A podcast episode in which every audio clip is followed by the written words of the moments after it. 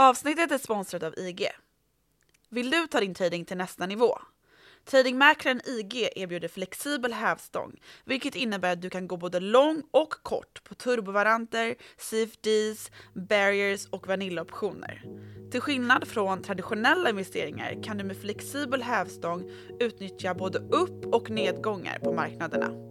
Ta din handel till nästa nivå, besök IG.com. Men kom ihåg, all handel med finansiella instrument är förenat med risk.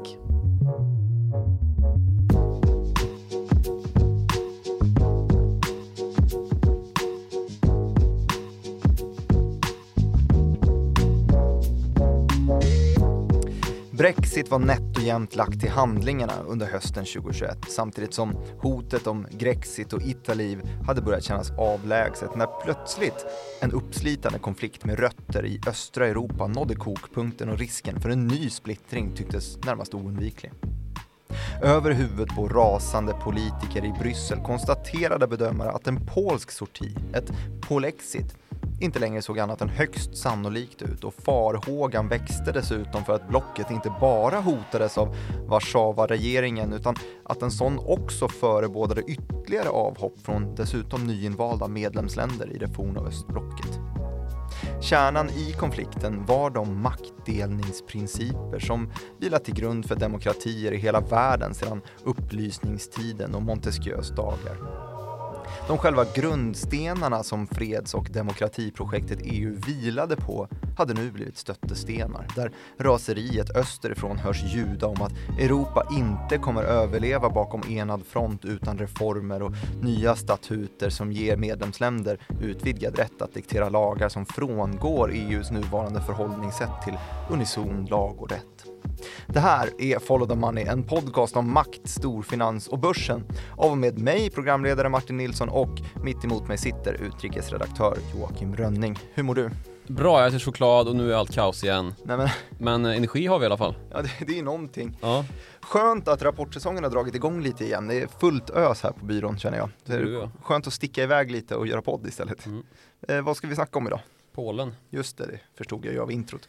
Det här har ju kulminerat nu i en, eh, en, en, process som ändå pågått ett bra tag sedan eh, Lag och rättvisa i Polen kom till makten ungefär. Mm. Lag och rättvisa är ju partiet som, som har egen majoritet i, i den polska riksdagen. Men vi ska väl skruva tillbaka klockan lite. Tydligt namn ändå. Polska riksdagen? Nej, lag och rättvisa. Lag och, lag och rättvisa. Ja, polsk, polsk riksdag är också ett, uh, vad heter det? Ett exempel på hur fel det kan gå. Ja, eller hur svårt det kan, när en, när en liksom församling av folk som vill besluta någonting inte kommer framåt på grund av att, uh, ja, alla ska säga Bristande sitt. lag och rätt kanske. Ja, men alla har veto, är ju ungefär vad man menar då.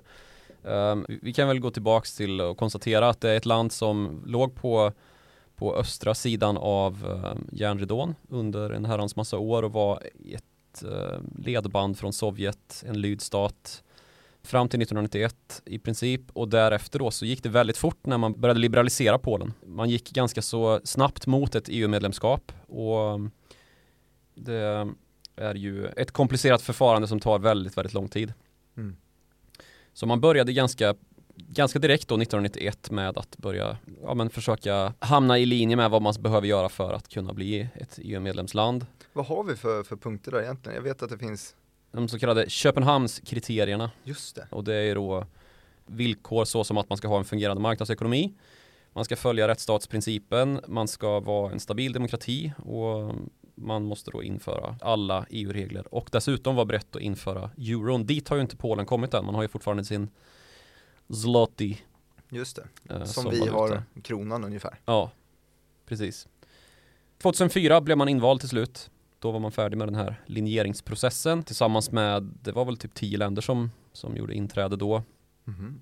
Varav flera nu är, som, som nämndes i introt här, lite i riskzonen för att hamna i det här strömhoppsliknande scenariot om det skulle bli så att Polexit faktiskt äger rum. För det är ju många länder här omkring som tittar på vad Polen gör och lite grann följer efter. Vilka, vilka länder var det som anslöt då ungefär? Um, Baltiska staterna, de är ju inte ett av de här problemområdena men man brukar börja med dem för det har ju blivit ett hyfsat lyckat exempel ändå på EU-integration.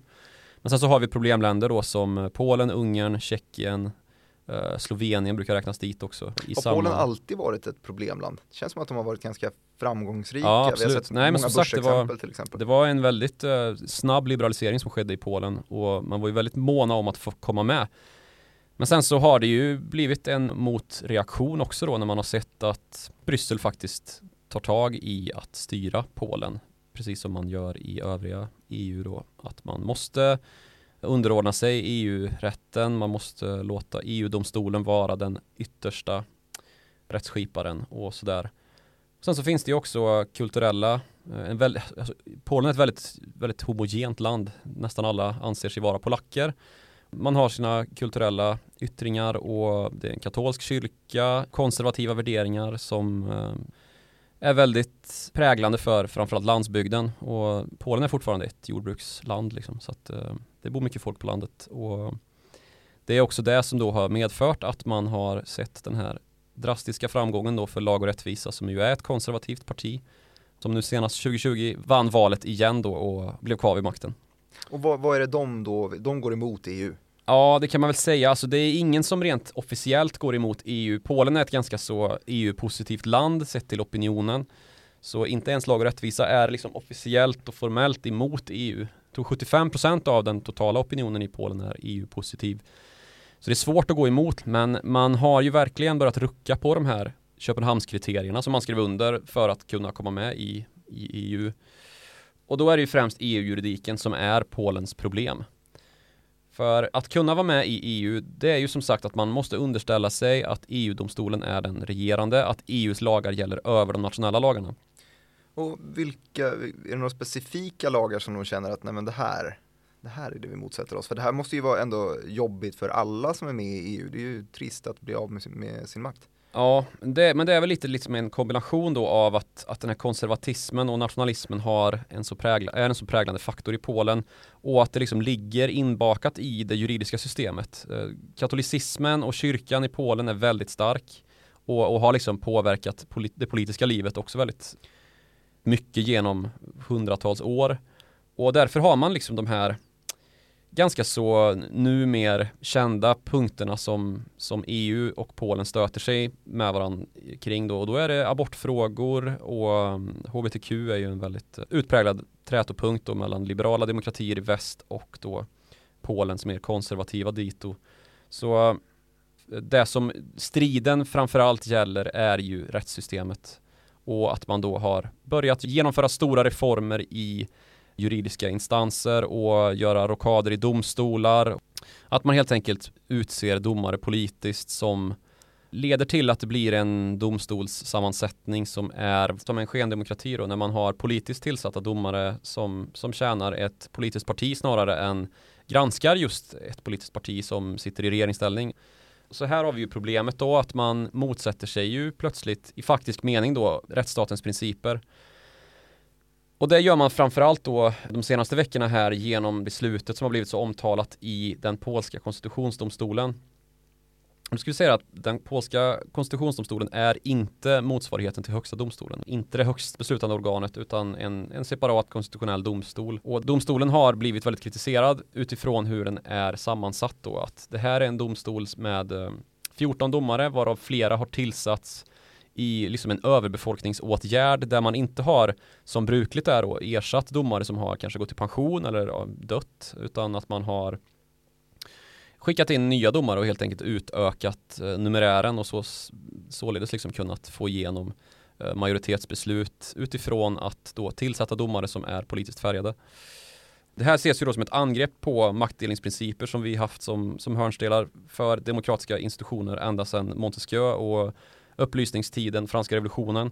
Vad är det för någonting egentligen då? Det undrar du. Uh, det är separationen av verkställande, lagstiftande och dömande makt. Att det skulle separeras. Det var någonting som Montesquieu och fan var nästan gudomliga principer för att nå frihet för människor som liksom är nästan i enlighet med naturlagen om hur människor borde leva sina liv. Mm. Och för att det skulle vara möjligt så, så förordade han ju också liksom liberala värderingar och um, ja, sånt som religionsfrihet och, och sådär. Mhm. De här tre olika makterna då ska utövas av helt, helt skilda innehavare. Den ena maktens utövare ska aldrig kunna liksom delta i utövandet av en annan sorts makt. Men vänta, vilka tre var det här nu då? Verkställande, lagstiftande och dömande. Och då kan man säga verkställande, det är ju regeringen då, eller en kung som det var förr i tiden på Montesquieus tid. Just det. Sen så har vi lagstiftande, det är ju då den folkvalda majoriteten som sitter i ett parlament eller i riksdagen som det är i Sverige. Mhm.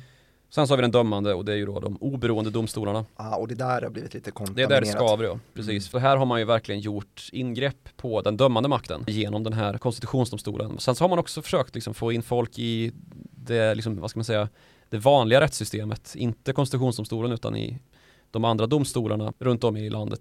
Mm. Och den här maktdelningen ligger ju till grund då för, för allt som har med demokratin att göra i det som, som sedermera blev EU ju. Då pratar vi Frankrike, Tyskland till exempel som två demokratiska länder som var med och grundlade EU ju. Mm. Innan det ens hette EU när det hette kol och stålunionen.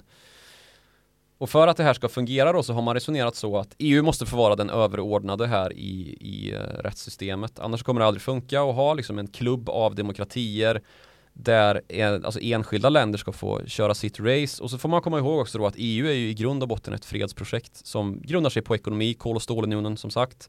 Man insåg att eh, vi handlar med varandra och då får vi tätare band och relationer och det kommer leda till att vi inte vill gå i krig med varandra.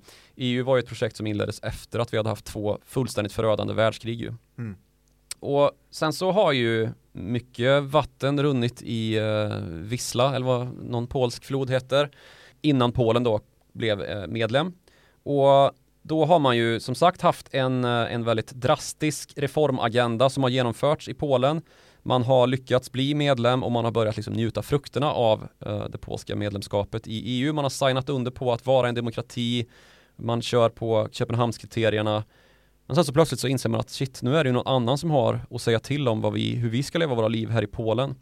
Hur liksom våra domstolar ska arbeta, vad som ska vara rätt och fel i, i Polen.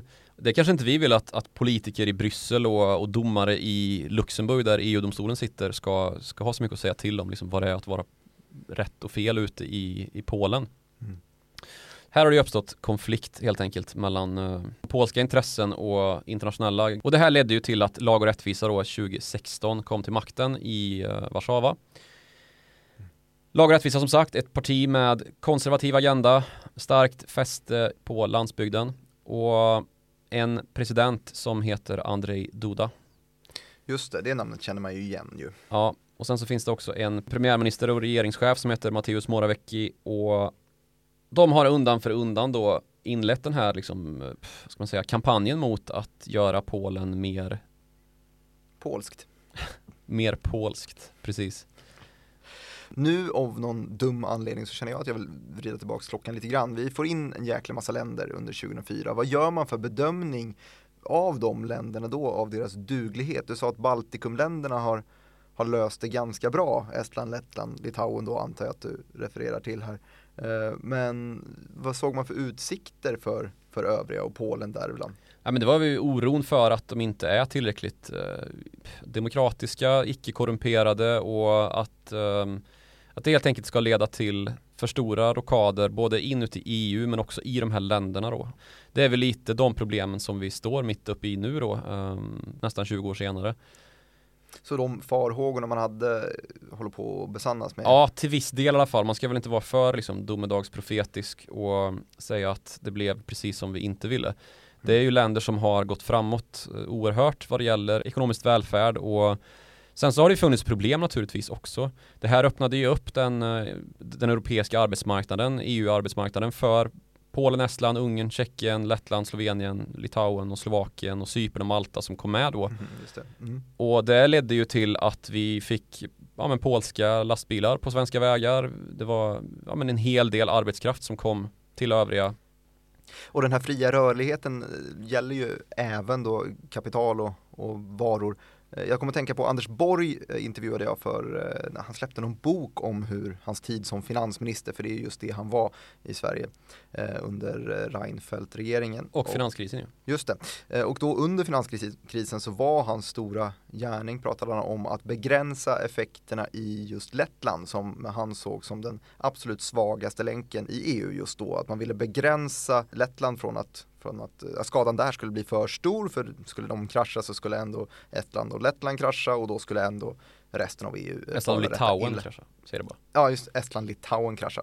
Eh, och det här var ju då, tänker jag, en, lite av en, av en effekt av att de här länderna då har kommit med. För att om vi spolar fram i tiden lite grann så var ju just Estland, Lettland, Litauen samarbetsländer med Sverige, alltså att vi hade sammanknutit ekonomierna sinsemellan så pass starkt och det måste ju ha växt fram här under tidigt 2000-tal eh, och som blev fruktansvärt tydligt i en eh, penningtvätthärva som dök upp så småningom. Mm. Just att Swedbank var ju såklart i mitten, SEB hade också en framträdande roll 2019 med penningtvättshärvan när de två bankerna i, tillsammans hade tagit typ hälften av hela bankväsendet i de här länderna.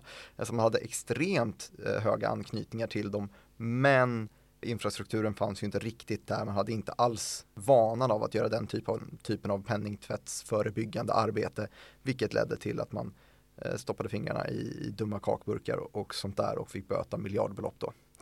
Precis, och sen så var ju den stora härvan där egentligen centrerad kring Danske Bank var det led i Estland.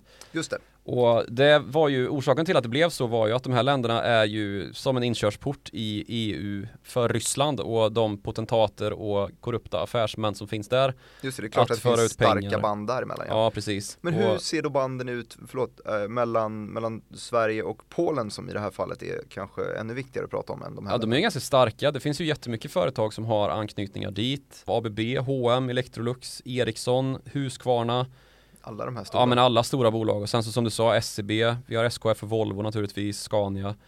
Uh, sen så har vi lite mindre bolag också som har gjort en del intåg eller liksom uppköp och börjat. Alltså Warszawabörsen är ju ändå rätt funktionell. Det är ju mycket gaming och sånt där. CD Projekt Red. Precis, det är ju ett stort bolag som Cyberpunk, det ja, stora spelet. Som mm. har lite grann havererat det senaste året på grund av en, en katastroflansering av det här spelet. Du nyss nämnde Cyberpunk. Mm. Uh, men sen så har vi också då Embracer har ju förvärvat där, vi har AdNode som har gjort uppköp. Sen så, är, så det, är liksom, det speglar ganska bra vad, vad man ägnar sig åt. Sen så har man ju också enorma utmaningar vad det gäller det egna energisystemet ju. Ja, är det här vi, det vi, vi kommer in i dagens debatt? Du tänker på gaskris och annat? Exakt. Ja, nej jag vet inte men det är ju som man har väldigt stor försörjning av kol i det här landet för att trygga sin energi, uh, sitt energisystem. Mm. Och det går ju inte. Uh, framförallt inte när man är ett EU-land som svarar upp till EU-standarder vad det gäller grön omställning. Mm. Så där jobbar man ju mycket nu då med en del svenska bolag, Eolus Vind till exempel, Ox2 är där och försöker sälja sina gröna energilösningar för att då ställa om den polska energimixen från att vara jättemycket kol till att bli mer grönt och sen så har man en del kärnkraftssatsningar och så här så att det ska tryggas. Men du, nu tänker jag vara var jobbig igen och backa bandet typ sex månader. För nu kommer jag eh, till minnes här med att vi gjorde ett avsnitt om just Polen och hur de satte sig på tvären med EUs gröna budget. Det var ju det landet som vi gjorde ett helt avsnitt om hur de inte ville vara med och höll på att blockera varenda omröstning. Mm, och nu börjar de alltså vara jävliga igen. Mm. Ja det här är ju samma, samma krig men olika slag. Den här pandemistriden då som utbröt var ju när EU kom på att nu ska vi göra stora fiskala satsningar. Vi ska utfästa en massa stöd till till blockets länder för att man ska kunna genomföra då dels en grön omställning och sen så lägga fast en långtidsbudget också. Mm. Och då hade ju den här politiska, ska man säga, rättsstatshaveriet redan inträffat i Polen. Det som nu har eskalerat då ytterligare. Så då passade EU på att uh, införa en del straffsanktioner mot Polen. Och det ledde till i sin tur då att Polen och Ungern var det och även Slovenien om jag inte missminner mig satte sig emot den uh, gröna budgeten och att man då ansåg sig förfördelad. Och det ledde till att hela budgetpaketet då, uh, flera tusen miljarder euro, stod still en, ett ganska bra tag för ett år sedan här. Mm. När man höll på och förhandlade det. Men sen så har vi då under 2021 här haft ganska nyligen då ett nytt slag som har ägt rum och det är ju då en strid som utkämpas mellan olika rättssystem som det ju nu börjar likna då. Och det är ju sen Polens konstitutionsdomstol har hävdat att EUs lagar och regler är icke-konstitutionella i Polen. Alltså konstitutionell, det betyder ju att den är grundlagsmässig.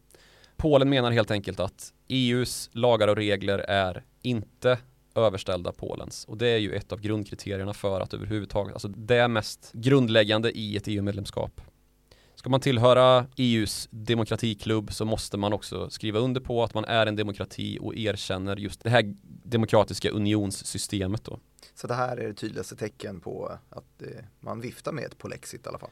Ja, precis. Det, det har ju verkligen blivit det. Och sen också då så, så har ju EU-domstolen sen länge sagt att man, vi erkänner inte ens den här domstolen av just den anledningen att, att det är ju, det här är ju vad man brukar kalla på engelska kangaroo court som är då så färgad av politiska beslut att den inte är att betrakta som just rättsstatligt principiellt godtagbar liksom. Istället ett, ett angrepp mot de maktdelningsprinciper som vi haft som hörnstelar för demokratiska institutioner sen just Montesquieu och, och upplysningstiden. Så det man menar är ju i klartext liksom att Polens konstitutionella domstol, där sitter det illegala domare som tillsatts utan att det har funnits vakanser för att just genomföra samhällsförändringar som man inte har tillräckligt mandat för att genomföra rent politiskt då. Mm. Och som sagt, maktdelningsprincipen innebär ju att domstolarna ska granska politikerna. Inte att man ska liksom gå i deras ledband. Men du nämnde här tidigare att de som också hade ställt sig på tvären vad gäller den gröna budgeten var också Slovenien och Ungern tror jag att du sa. Också länder som kom till ungefär samtidigt som Polen vad gäller EU-medlemskap. Eh, är de fortfarande på på Polens sida här eller är, det, är Polen mest extrem av dem? Ja, men, det är inte bara Ungern och Slovenien, det finns liksom andra länder också som, som ger sitt goda minne eller vad man ska säga. Um, Österrike bland annat har uttalat sig att det finns skäl att, att eh, se framåt mot att möjliggöra en del sociala reformer för eh, enskilda länder som inte EU har någonting att säga till om och sådär. Så vi kan väl komma dit lite senare vad det gäller just den eh, e EU-debatt som, som nu en del väntar sig. Men, men det är ju uppenbart då att den här förändringens vind som liksom blåste kulingstyrka under många år, alltså i alla fall ett antal tiotal år då när, från det att eh, Sovjet föll och um, liberaliseringen påbörjades. Liberaliseringen påbörjade med, med att järnridån raserades. Och det har ju naturligtvis vållat motreaktioner som då i form av Andrei Duda och hans lag och rättvisa och till att det finns en sån domstol som är ämnad i grunden då för att, att hålla politiker ansvariga för korruption och brott mot den demokrati som medborgarna har önskat sig att den i praktiken har blivit en del av det politiska etablissemanget och allt regeringen önskar hörsammas och domarna möjliggör därmed vad som helst från de styrande politikerna då som, som tillsatt de här domarna som beslutar. Mm. Och det, det, är ju en utveckling som vid sin ändpunkt leder till ett statsskick som, som Ryssland med regeringens politiska hantlangare i domstolarna. Domarna blir ju marionetter helt enkelt och det är ju dessutom väldigt problematiskt för att Ungern och Tjeckien följer det här väldigt noga och går på en liknande linje. Och, och vill att den nationella identiteten ska bevaras över EU-inskränkningar då. Mm. Men du, vilket håll guppar egentligen debattens vågor i EU för det här? För de måste ju också ha, ha en åsikt. Ja, men till att börja med så är ju Polens linje då att det här är ju fake news och hysteri från de övriga EU-länderna som, som är emot det här då. Mm. Um, och att Polen inte alls är på väg och mot någon polexit och, och just att det här är ju det här är inget konstigare än att tio andra konstitutionella domstolar i länder som Tyskland och Frankrike, Spanien och Danmark har också haft liknande rättsfall då där man har satt den nationella konstitutionen, den nationella grundlagen framför vad EU har stipulerat då. Mm. Men det har handlat om väsentligt annorlunda frågor än den konstitutionella överställdheten som det, det handlar om i Polen då. Alltså vilket, vilken rättsinstans av två domstolar som har högst beslutsmakt mellan nationella domstolar och EU-domstolen då. Och fallen här med Frankrike och Tyskland är helt annan karaktär. Ja, alltså i Tyskland då till exempel, som, som, och det är dessutom det fall som lag och rättvisa, alltså det polska regeringspartiet hänvisar till. Det handlar om hur mycket ECB, alltså Europeiska centralbanken, ska ha makt att bestämma över hur mycket tyska regeringen ska köpa obligationer för. För det finns inga sådana bestämmelser i den tyska grundlagen då. Men det här domslutet i Tysklands högsta domstol då, det var dessutom i den högsta dömande instansen i Tyskland. Det var inte fallet i Polen där den här konstitutionella domstolen är separat. Alltså inte högsta beslutande organ i Polen. Kangaroo Court som sagt. Och det tyska högsta domstolen gjorde var alltså att titta på om de tyska politikerna agerat i enlighet med konstitutionen då när man hade godkänt att ECB eh, e skulle ha makten över att bestämma hur mycket Tyskland skulle köpa obligationer för. Och därefter så informerade man politikerna om att en sån här ekonomisk åtgärd som att, eh, att låta EU bestämma då över Tysklands finansiella politik och förpliktelser Det är icke-konstitutionellt och ska man göra på det viset då måste vi förändra grundlagen och det kan man ju göra liksom. Mm. Det domstolen i Polen gjorde istället då, det var ju att man rakt ut konstaterade att Polen är överställt EU i rättsavgöranden, punkt slut. Alltså I alla former av. Ja. För den här typen av ECB-kritik, den har man ju verkligen, de rösterna har ju verkligen hörts i, i Sverige också. Det har varit många som har varit emot de ganska experimentella kvantitativa lättnaderna som centralbankerna har tryckt ut. Att man menar att ja, men som debatten gick precis innan vi fick pandemikrisen så var det ju så att man låg på krisnivåer eh, vad gäller räntan redan. Man stödköpte redan som det såg ut. Eh, varför höll man på med det här? Eh, och det här är totalt misskött tyckte de som inte gillade Stefan Ingves då i Sveriges fall eller de som inte gillade eh, Mario Draghi var det som ledde ECB just då i alla fall, han som myntade QE Infinity. Mm. Så det är ju i alla fall röster som de säkert får eh, kompisar av att yttra. Ja, definitivt. Men till skillnad från Polen då, så, så accepterades ju det här eh, beslutet som, eh, som tyska domstolen kom fram till av regeringen. Men eh, de ställde sig negativa till det här. Sen så har ju liksom EU-grundare och styrande politiker lyft fram som lagbrytare och rättshaverister av de här polska politikerna då, de styrande polska politikerna. Mm. Polen då hävdar att vi har ju bättre ordning på EU-statuterna och, och rättsstaten än vad de grundande parterna har eftersom att det var ju så länge sedan de kom med och de kan ju inte, ingenting om det här längre. Främst Frankrike och Tyskland och som ju är grundare. Och det är ju naturligtvis absurt liksom att Tyskland skulle ha mindre rättssäkerhet än vad Polen har. Att tyska domare som väljs in är mer korrupta än de här domarna som valts in på politiska grunder i den polska konstitutionsdomstolen. Ja, jag vet inte. Sen så finns det ju en hel del liksom glåpord som består av språkförbistringar och kulturskillnader mellan de här länderna naturligtvis. Och polackerna har ju börjat prata om att det finns en eurorasism och det är inte de ensamma om att göra. Och att, liksom det, att det blir en finansiell utpressning av fattigare länder när Kan du inte utveckla den eurorasismen? Nej men att, att just den här överstatligheten från Bryssel då, att den härstammar från Bryssel, den härstammar från de länder som har varit med i EU längst och det är också de rikaste länderna. Mm. De, de länderna med högst BNP och därmed mest att säga till om, dessutom ganska folkrika. Nu är inte liksom Polen ett litet land och det är man väl medvetna om. Det är ett land med en eh, stark nationell identitet som sagt. Och det gäller även för de här andra länderna som, som nu går emot och börjar tvista med EU. Dessutom så finns det ju påtryckningsmedel som de här länderna uppfattar det som då. Och det är ju att man har en, alltså det, det, är lätt missuppfattat att de här länderna har någon sorts appell till Ryssland, att man funderar på att joina Ryssland i någon sorts kamp mot EU.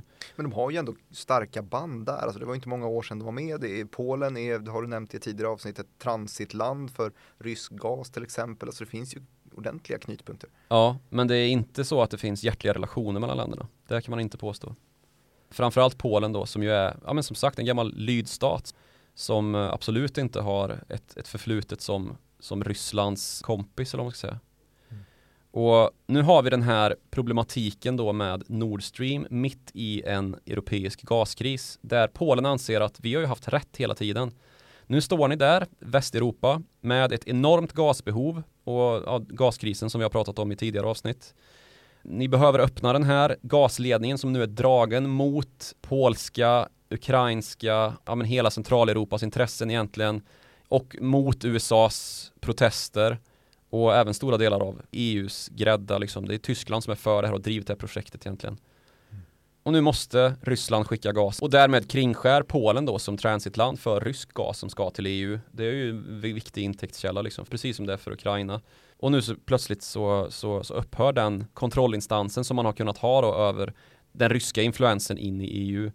Just genom så. att det plötsligt ligger en, en gasledning genom Östersjön då som, som förbinder Tyskland med, alltså kärnan och hjärtat av EU med rysk gashamn liksom.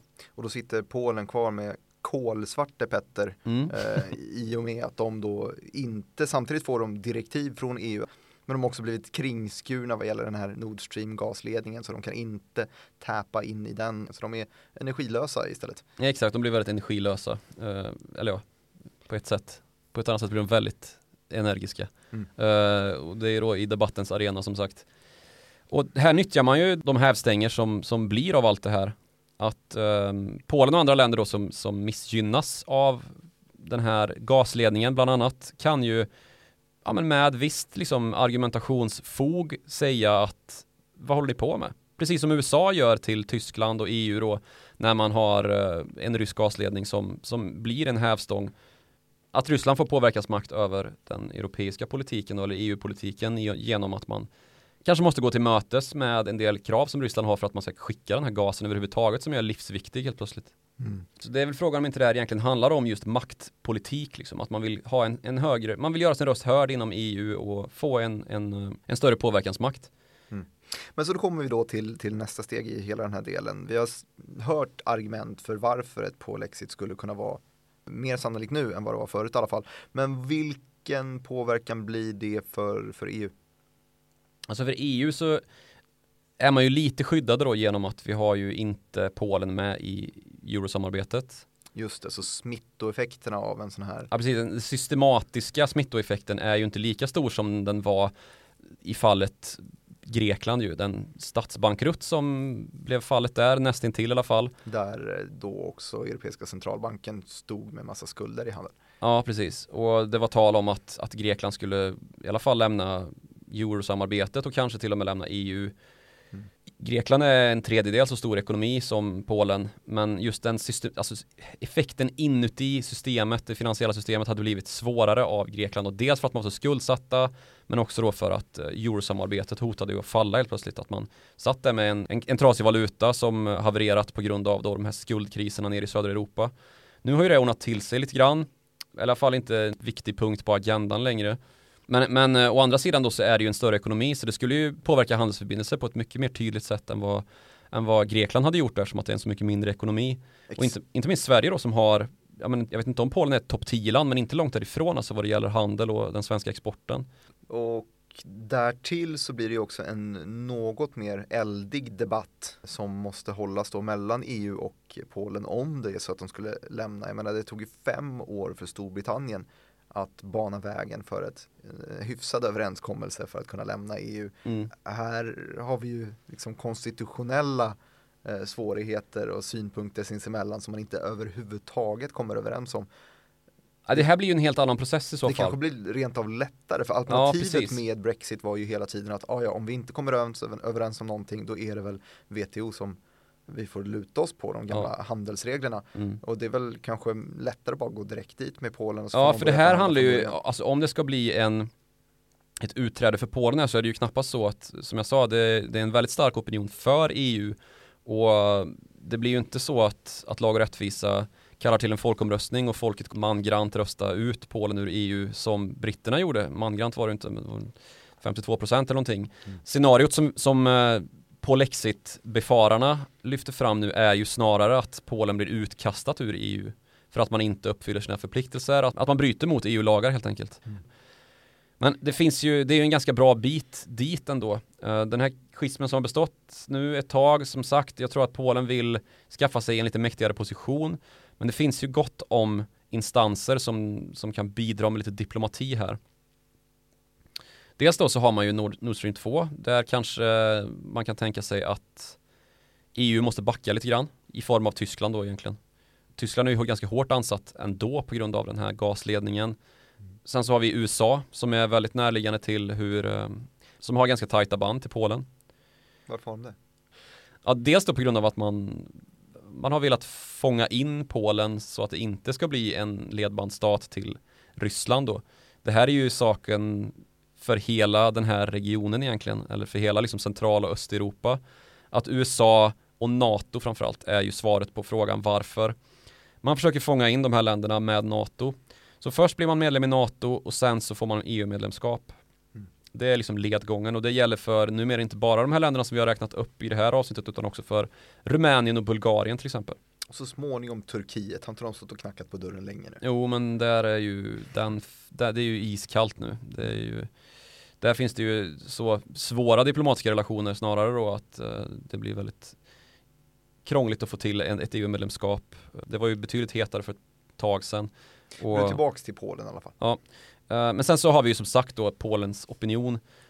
Och där har vi en politiker som jag tycker man bör prata om, den före detta premiärministern som då var för liberalkonservativa partiet som regerade innan lag och rättvisa och sen blev Europarådets ordförande. Donald Tusk Han uttryckte sig i väldigt skarpa ordalag kring Brexit naturligtvis. Han har, har liksom beskrivit sig själv som rasande i flera år i sträck på grund av att Brexit blev verklighet. Han har nu blivit oppositionsledare i Polen, han är inte längre Europarådets ordförande. Och han är ju nu ursinnig, inte längre på, eller det är väl fortfarande kanske på britterna över att de lämnade EU, men desto mer då på sitt eget hemland. Och nu utmanar ju han Andrei Duda då. Nu är det ett bra tag kvar tills det är val. Men i samband med att den här konstitutionsdomstolen kom ut med sitt beslut då, eller besked om att polsk konstitutionsrätt var överställd EU-rätten så var det ju liksom hundratusentals polacker som marscherade på Warszawas gator och protesterade då mot vad den egna re regeringen var på väg att göra. Och som sagt 75% är EU-positiva och i grunden inte ens lag och rättvisa är EU-motståndare i någon officiell mening. Så den vägen blir det svårt att gå. Det blir ju liksom att fortsätta då och bryta mot de, de grundläggande EU-statuterna så att man blir utkastad. Och den debatten har ju avancerat ganska långt nu med Ursula von der Leyen har varit ute och sagt att vi kommer, om inte Polen backar, skriva till verket med finansiella sanktioner mot Polen och det har man ju redan gjort egentligen. Det, det är bara ytterligare steg då. Och um, till motvärn då så kommer ju polska politiker och säger att gör det ni, vi tänker inte backa i alla fall. Men kan, kan man utesluta trotsiga länder ur EU på lätt sätt? Har det hänt? Nej, det har det ju inte. Um, inte hittills. Men det var väl just en sån sak som, som uh, förebådades då av de kritiker som kanske tyckte att är vi verkligen mogna för att ta in östländerna, Centraleuropas länder i EU innan de har kommit längre och då kanske kan ingå i EMU och det man förbundit sig till ju genom ett EU-medlemskap idag att man ska också ingå i, i valutazonen. Och därmed så blir det ju ränteproblematiken och allt det här med liksom att det inte finns en eh, uniformitet kring produktivitet och effektivitet i de här olika länderna. Det finns språk och kulturskillnader som gör det väldigt svårt att etablera liksom en gemensam ekonomi. Det är väldigt olika länder fortfarande och det finns liksom inte på amerikanskt vis en europeisk nationalitet. Liksom. Det finns först och främst nationer och, och medborgare som tillhör de olika nationerna. Eh, Eh, det är inte nödvändigtvis så att man har särskilt mycket gemensamt över de nationella gränserna även om även om byråkraterna som man kallar dem i Bryssel hävdar att eh, ja, Europas förenta stater ungefär. Så hur, hur följer man egentligen den här uh, utvecklingen närmast då? Vad, vad är nästa steg i debatten mellan ja, Bryssel och Polen? Ja, det måste ju komma till någon sorts uppluckring liksom och det som bland annat Österrike då och flera andra EU-länder har varit inne på är ju att vi kanske borde titta lite närmare på om det skulle vara möjligt att göra någon sorts EU-reform. Och det är ju EU-reformer som är väldigt svåra att prata om eftersom att det blir ganska snabbt att man går ner på maktdelningsprincipen. Liksom. Ska vi rucka på den? Det går ju inte. Den är ju absolut, sen Montesquieu har den varit där liksom. Att vi måste ha den här maktdelningsprincipen bergfast för att det ska fungera, annars blir vi Ryssland. Och det är ju en debatt som, som kommer kräva väldigt mycket att man kanske ser över Köpenhamnskriterierna, hittar en ny väg att låta vissa länder då förhålla sina soci sociokulturella värderingar lite högre än vad EU idag anser är rimligt då eh, utifrån de rättigheter som, som EU-demokratin står för. Och som sagt, det här är ju frågor som, som i Polens fall rör abort och hbtq, till exempel yttrandefrihet, att journalister inte ska drabbas av olika typer av förföljelser och helt enkelt rättstolkningen i Polen jämfört med EU. Det är jättesvåra frågor. Så jag, jag, jag har verkligen inget svar på hur man ska lösa det. Men det troliga är väl fortfarande ändå att det, det ska nog mycket till innan ett absolut liksom Armageddon-scenario rycker närmare och som sagt den polska opinionen ska man nog inte underskatta när det är så pass starkt och så pass många som vill att um, att Polen ska vara ett EU-land. Vi pratade nyligen i ett annat podcastavsnitt om Ukraina och den kris som rådde där när, när Ryssland kunde, kunde ta Krim och mm, det handlade ju väldigt mycket om de ukrainska politikerna skulle anamma en mer EU-vänlig hållning eller en mer ryssvänlig hållning. Det är ju lite lättare eftersom att det bor fler ryssar i Ukraina än vad det, än vad det gör i Polen. Men det kan nog utbryta ett liknande scenario där, för i Ukraina så slutade det ju med de här protesterna på Majdan och alltså Frihetstorget i Kiev och där makten bändes ur händerna på Viktor Janukovic som han hette, den sittande presidenten som var väldigt influerad av eh, Vladimir Putin i Ryssland. Här kanske det blir en liknande reaktion, inte mot att eh, Duda och Moravecki kommer fly till Moskva liksom, men snarare då att de kommer ja, men avsättas i stora protestvågor som kommer rulla igenom Polen. Just det. Polen får fler och fler sanktioner mot sig mot, från EU. Man ser att det ekonomiska klimatet i Polen blir sämre och sämre tills att de avsätts. ja, tänkbart i alla fall. Mm. Så jag tror att um, och alltså däremellan det... så skadas ju eftersom att det är så extremt stor handel just mellan EU-länder och Polen. Det har det ju verkligen blivit. Mm. Så finns det ju smittoeffekter till även Sverige tyvärr. Ja absolut, det gör det definitivt. Uh, sen så brukar väl Å andra sidan ekonomin puttrar på ganska bra även om det är bökigt i det nationella politiska livet. Eh, det är, väl inte förrän det effektueras i så fall att Polen de facto kastas ut och det blir liksom skrivet i sten att eh, Polen kommer inte vara ett EU-land längre. Då blir ju handeln väldigt mycket krångligare och det måste ingås nya handelsavtal eller så får man gå via WTO. Då kanske det inte blir lika attraktivt att handla med Polen och jag menar det vet ju Polen också. Mm. EU är ju regionens starka ekonomi. Så, att, eh, så är det ju, men det vet vi ju också att så fort det ens sker oro så börjar ju företagen lite grann dra öronen till sig och i alla fall värdera det i sitt beslut om man ska etablera ytterligare verksamhet där eller inte. Utan då kanske man väljer ett, ett annat land. Så är det, absolut. Vi har i alla fall pratat en stund om Polen och det eventuella Polexit. Är man sugen på att prata med oss så gör man det på followthemoney.direkt.se som är vår mejladress. Man kan också nå oss på Twitter. Då når man utrikesredaktören på snabla Joakim Ronning och mig på snabla direkt Martin. Tack så mycket för att ni har lyssnat på dagens avsnitt. Klicka gärna någon tumme upp, skriv en recension om det går att göra någonstans och ha det fruktansvärt fint tills vi ses igen om en vecka.